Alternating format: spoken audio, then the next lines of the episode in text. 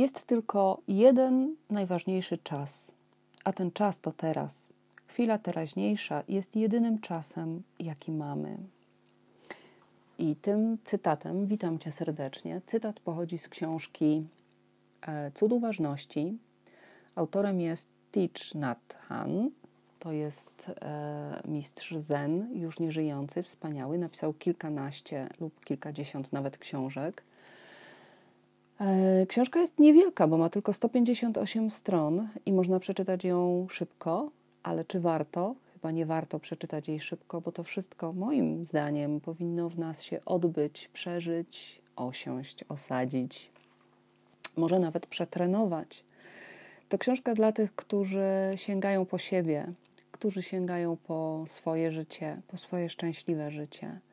Dla mnie książka Fundament, y, oczywiście jedna z wielu ogromnie ważnych, ale to jest taka książka przyjaciółka, która wędruje ze mną. Jest i przy łóżku, i, e, i na biurku, i spontanicznie między różnymi zajęciami. Otwieram ją sobie na chybił, trafił w różnych fragmentach i przypominam. E, I tak od wielu lat. Jeżeli czytałaś już tę książkę, przepraszam, napiję się herbaty. Więc, jeżeli czytałaś już tę książkę, no to będzie fajnym być może przypomnieniem tych jakości, które tutaj są. Jeżeli natomiast nie, to może stanie się fajną, dobrą inspiracją. Fragment pierwszy. Siedzenie.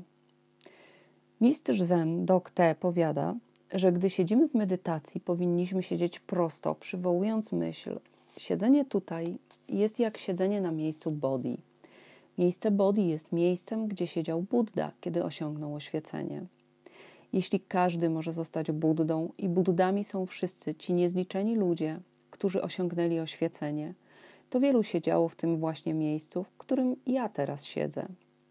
Poczucie siedzenia w tym samym miejscu, w którym siedział Buddha, wywołuje uczucie szczęścia, a siedzenie w pełni uwagi oznacza samo przez się, że staliśmy się Buddą. Poeta Nguyen Kong Tru doświadczył tego, gdy usiadł i nagle uświadomił sobie, że inni siedzieli w tym miejscu przed wiekami i będą siedzieli w czasach, które nadejdą. Do miejsca, w którym siedzę dzisiaj, wieki temu inni przychodziliby siąść. Minie tysiąc lat, wciąż będą przybywać. Kto jest tym, co śpiewa, a kto tym, co słucha?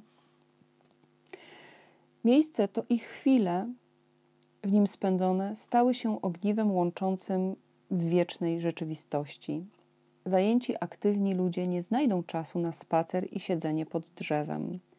Trzeba opracowywać plany, rozmawiać z sąsiadami, rozwiązywać tysiące trudnych spraw. Mamy dużo ważnych zadań. Musimy stawić czoło problemom, skupiając uwagę na pracy. Zawsze czujni i gotowi, by sprawnie i mądrze wyjść z każdej sytuacji.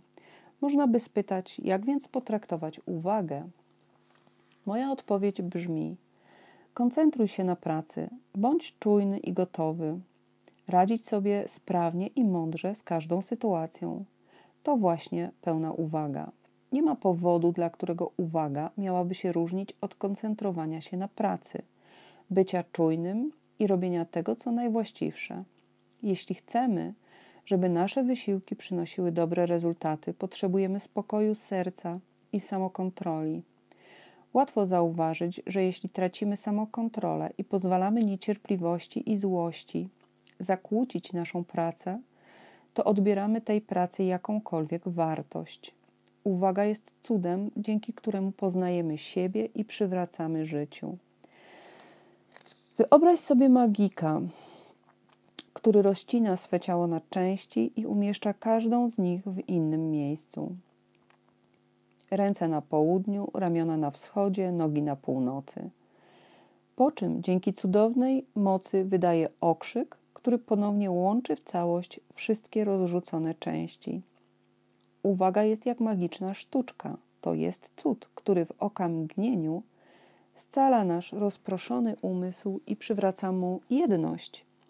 Także możemy żyć każdą chwilą.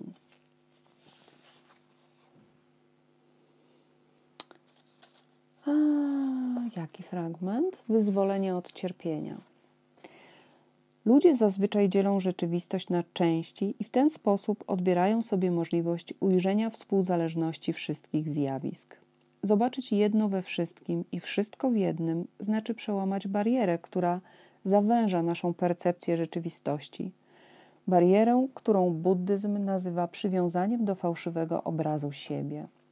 Przywiązanie do fałszywego widzenia siebie oznacza przekonanie o obecności niezmiennych, samodzielnie istniejących bytów.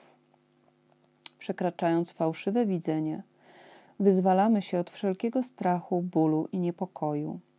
Kiedy bodhisattva Kwan Am, która była wielkim źródłem natchnienia dla działaczy pokojowych w Wietnamie, wejrzała w rzeczywistość pięciu składników, doznając pustki ja, wyzwoliła się od cierpienia, bólu i złości. To samo może być udziałem każdego z nas, jeśli będziemy wytrwale i usilnie kontemplować pięć składników. My również wyzwolimy się od cierpienia, lęku i przerażenia. Bo żyć jako cząstka wielkiego życia wszechświata, musimy usunąć wszelkie przeszkody. Człowiek nie podróżuje prywatnie poprzez czas i przestrzeń, oddzielony od reszty świata grubą skorupą.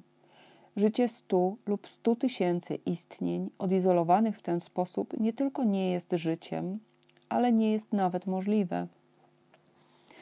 W naszym życiu obecnych jest bardzo wiele zjawisk, tak jak my jesteśmy obecni w wielu zjawiskach. Jesteśmy życiem, a życie jest bezkresne.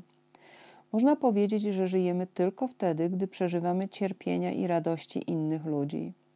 Cierpienia innych stają się naszym cierpieniem, a szczęście innych naszym szczęściem.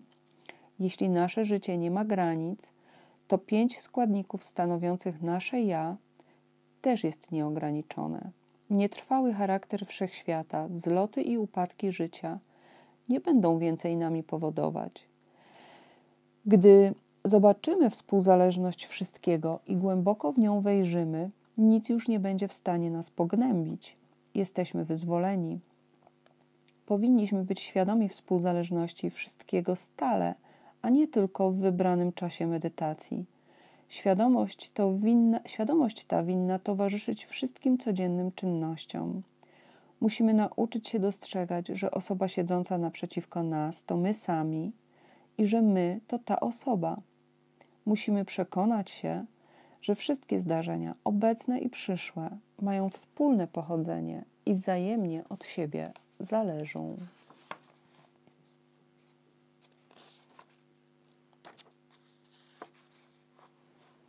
I jedno z ćwiczeń medytacyjnych, które proponuje y, autor, jest tutaj tych ćwiczeń sporo. Półuśmiech w wolnych chwilach. Gdy siedzisz czy stoisz, uśmiechnij się półuśmiechem. Popatrz na dziecko, na liść, na obraz wiszący na ścianie lub cokolwiek innego, co jest względnie nieruchome i uśmiechnij się. Zrób trzy wdechy i wydechy.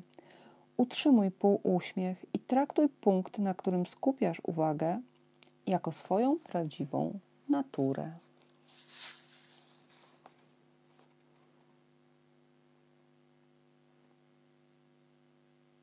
Pełne rozluźnienie w pozycji siedzącej. Usiądź w lotosie lub półlotosie, lub ze skrzyżowanymi nogami, albo na piętach, albo na krześle ze stopami spoczywającymi na podłodze. Uśmiechnij się, wdychaj i wydychaj z półuśmiechem na twarzy. Poddaj się całkowicie.